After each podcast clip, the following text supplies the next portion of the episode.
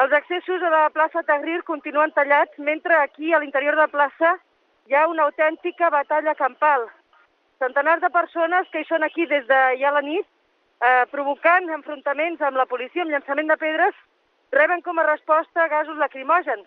Contínuament hi ha corredisses per fer-los fora del carrer que porta cap als edificis oficials de la plaça Simón Bolívar. Es concentren altre cop a la plaça Tahrir i des d'allà intenten tornar a atacar la policia que es torna a tirar enrere. De moment s'ha comptabilitzat només en les últimes 3 hores un centenar de ferits i la batalla continua.